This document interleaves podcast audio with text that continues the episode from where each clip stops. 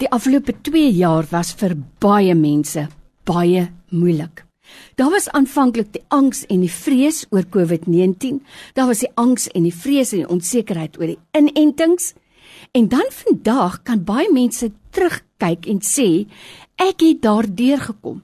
Baie gesinne is daardeur geraak. Feitelik almal wat jy ken, ken iemand wat in hierdie tyd gesterf het aan COVID-19. So dis te verstaan dat dit by mense angs en vrees gewek het. Nou by my in die ateljee vandag het ek vir Amelia Swart en ons gaan met jou haar getuienis deel. So Amelia, ek wil net vir jou sê dankie dat jy die moeite gedoen het om in te kom. Ons waardeer dit. Baie dankie Lorraine, dis 'n voorreg om op Radio Tygerberg te wees en dit was nog altyd my wens en my droom om mense te bemoedig. So dis my groot voorreg om te wees. Dankie. Ek is so bly. Nou Amelia, ek het nou net gepraat oor COVID-19. Jy is daardeur. Maar uit hierdie hele reis wat jy deurgemaak het, is daar wonderlike getuienis. Waar het dit begin? Dit het begin in Julie maand. My pa was was baie siek al die jare met sy longe en sy hart en die donderdag het ons hierdie ambulans laat kom want hy kon nie asem kry nie. So ons het gedink dit is net 'n gewone weer longinfeksie. Mm. Na 'n paar dae van binne aars kom hy weer terug en dis alles oukei. Okay. En die Vrydag het weet hulle ons maar hy het COVID-19. En die Saterdag het ek en Henny my man so siek geraak dat ons self hospitaal toe is, sure. dat hulle op ons op drip gesit het, maar ons kon toe nou weer huis toe gegaan het.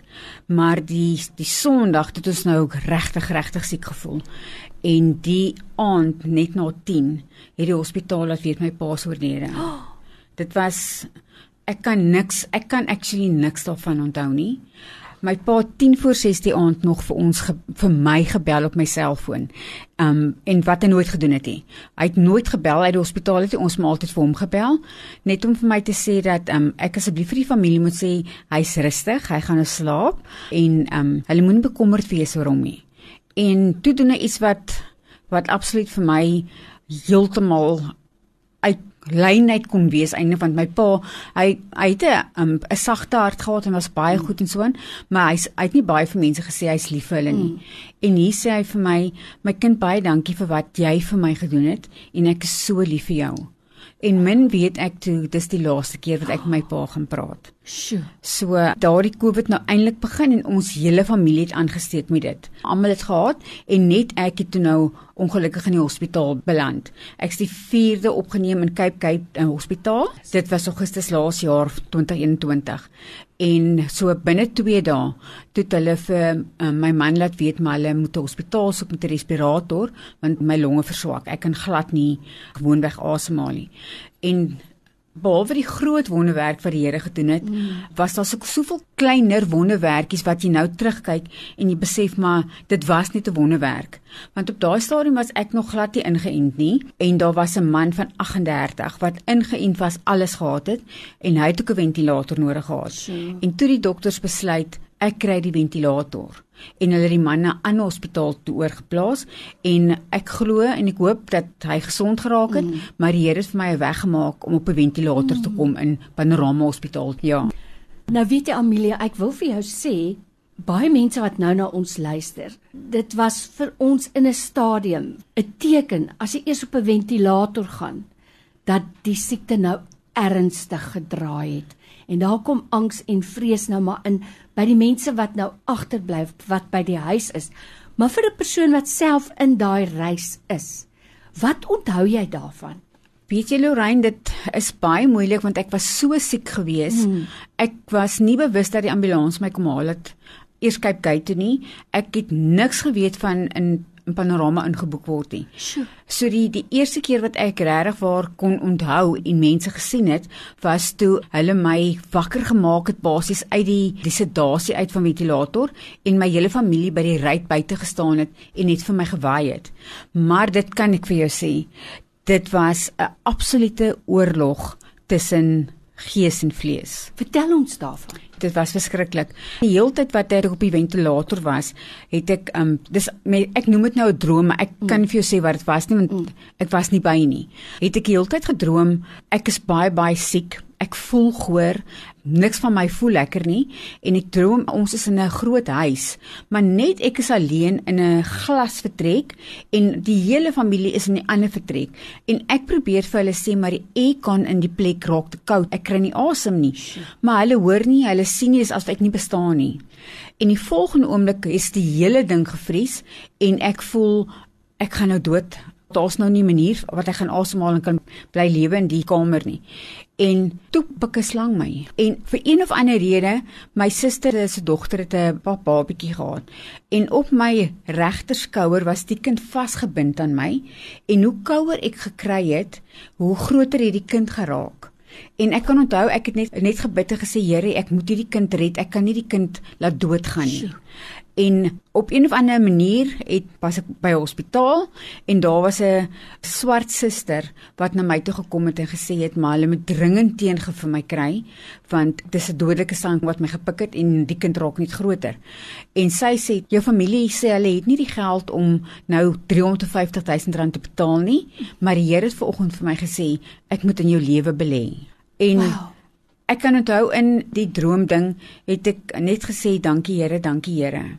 En die volgende oomblik ek linkervoete, ek het nog nooit in my lewe gedans nie, dit is nie my passie nie. Ehm um, so my man het baie gesê nee nee nee, op troue strap jy ewen op my tone nee. Toe kom iemand en hy dans met my. En oor ek nie kon dans nie, was dit 'n hemelse ervaring. Die persoon het my vasgevat en gedans soos 'n ballerina. Wow. Maar dit was op 'n marmervloer waar die lig so skyn en van bo af oral sien jy net lig en dit was die mooiste liedjie wat ek ooit gehoor het wat gespeel het. Ek het dit nog op aarde by geen niemand gehoor nie en ek onthou hoe hoe lig ek gevoel het, hoe gesond ek gevoel het en hoe warm ek gevoel het van liefde en ek het Jesus se teenwoordigheid gevoel. En joh, kry hoendervleis as, as ek dit vertel. Ek self. Joh. En toe die liedjie klaar is en die persoon met my gerond gedans het, Toe sê die persoon vir my, "Thank you for dancing in heaven with me." Wow. En ek kon ook met my oë in die droom oopgemaak en ek het na die regterkant se muur toe van die hospitaalbed gekyk. En daar was nog van hierdie soort van 'n van 'n ambenak wat jy in die skool nog gehad het. Dan sit maar dan begin dit by 1 2 dan ja, so. draai so om hy ja, tol so om. hy tol om. Maar myne het by 29 begin en afgetel tot 0 en ek onthou ek het die heeltyd het ek elke keer gesê this is how i fight my battle jesus Dis al wat ek daai op daai oomblik kan gesê het. En die 10de keer toe die ambenak aftel, toe sê ek vir Here, Here, ek kan nie meer nie. Ek kan nie veg nie, nou kan U my oorneem. Vat my as U my moet vat, my saak met U is reg. En van daar af het die draaipunt gekom dat ek beter geraak het. Ek was 38 dae op die ventilator en ek is na dit is ek eers na die gewone saal toe geskuif vir omtrent 2 weke en daarna is ek na 'n rehab toe geskuif. Ek moes basies leer loop, ek kon nie loop nie. Ek kon glad nie eens opstaan nie, ek kon nie eet, ek kon nie sluk nie, niks nie. En die ergste van alles is ek kan nie onthou nie en al daai goed het net my opgekom, maar al wat ek kan onthou, helder kan onthou is die dans wat ek op die marmerblad gedans het. En ek is seker van dit was so 'n ervaring van Jesus by my mm. dat dit kon niks anders gewees het as Jesus nie. Mens kan nie twyfel daaraan nie. Nou nee. by my in die ateljee vandag is Amelia Swart. Amelia, terwyl ek luister na jou verhaal, iets waaraan ek die hele tyd dink is, hier sit jy vandag blakend gesond.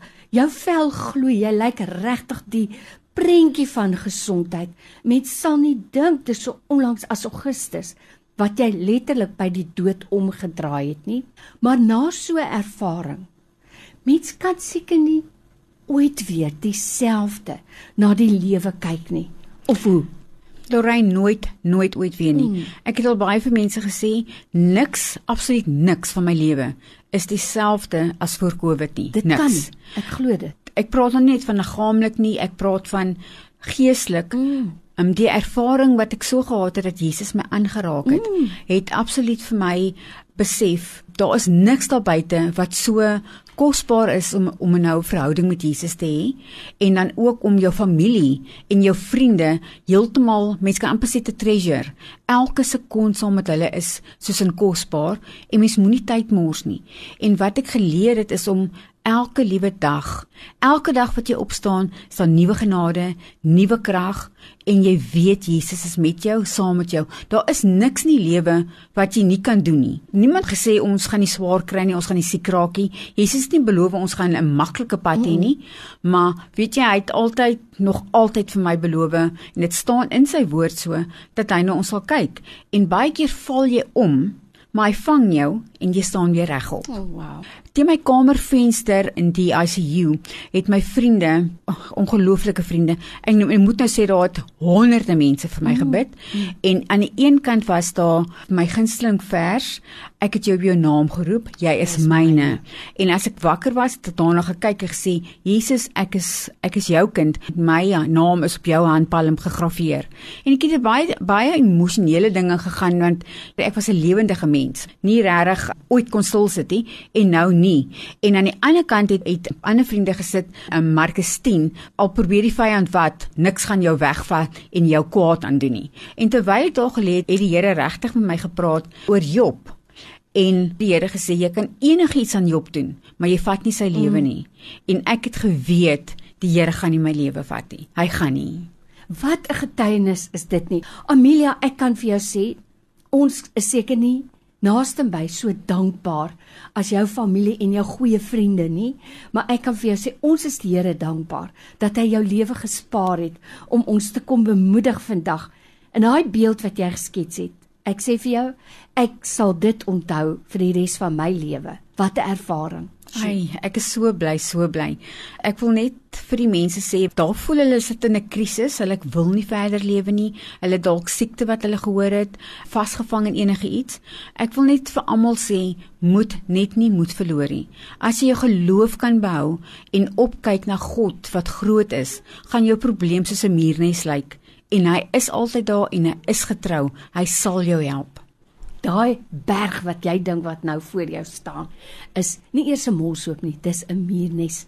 Vir jou getuienis vandag vir jou tyd. Baie dankie, ons waardeer dit. Baie dankie Lorraine, was 'n voorreg en seëninge vir julle almal en baie dankie vir wat julle by Radio Tygerberg doen. Dit bou my elke dag. Nou Amelia, wat ons luisteraars dalk nie weet nie, is dat een van die dokters vir jou gesê toe jy nou daar in die saal lê nadat jy nou uiteindelik bygekom het en aan die herstel was dat jy die ekstreemste van die ekstreme COVID pasiënte is wat hy nog behandel het. En moes hierdie dokter erken daar is 'n man daarbo wat na jou gekyk het. En jy het hom baie gou reggehelp en gesê dis nie 'n man daarbo nie dis Jesus So ek is so dankbaar dat jy herstel het om al die eer aan die Here te gee. En ek wil so vir ons luisteraars ook sê, Amelia het gesê, jy kan haar enige tyd skakel op haar selfoon as jy wil hê dat sy na geleentheid toe moet gaan, dat sy 'n groepe moet toespreek enige tyd dan is sy bereid om te gaan. Amelia se selfoonnommer is 084 638 4686. Dis 084 638 4686.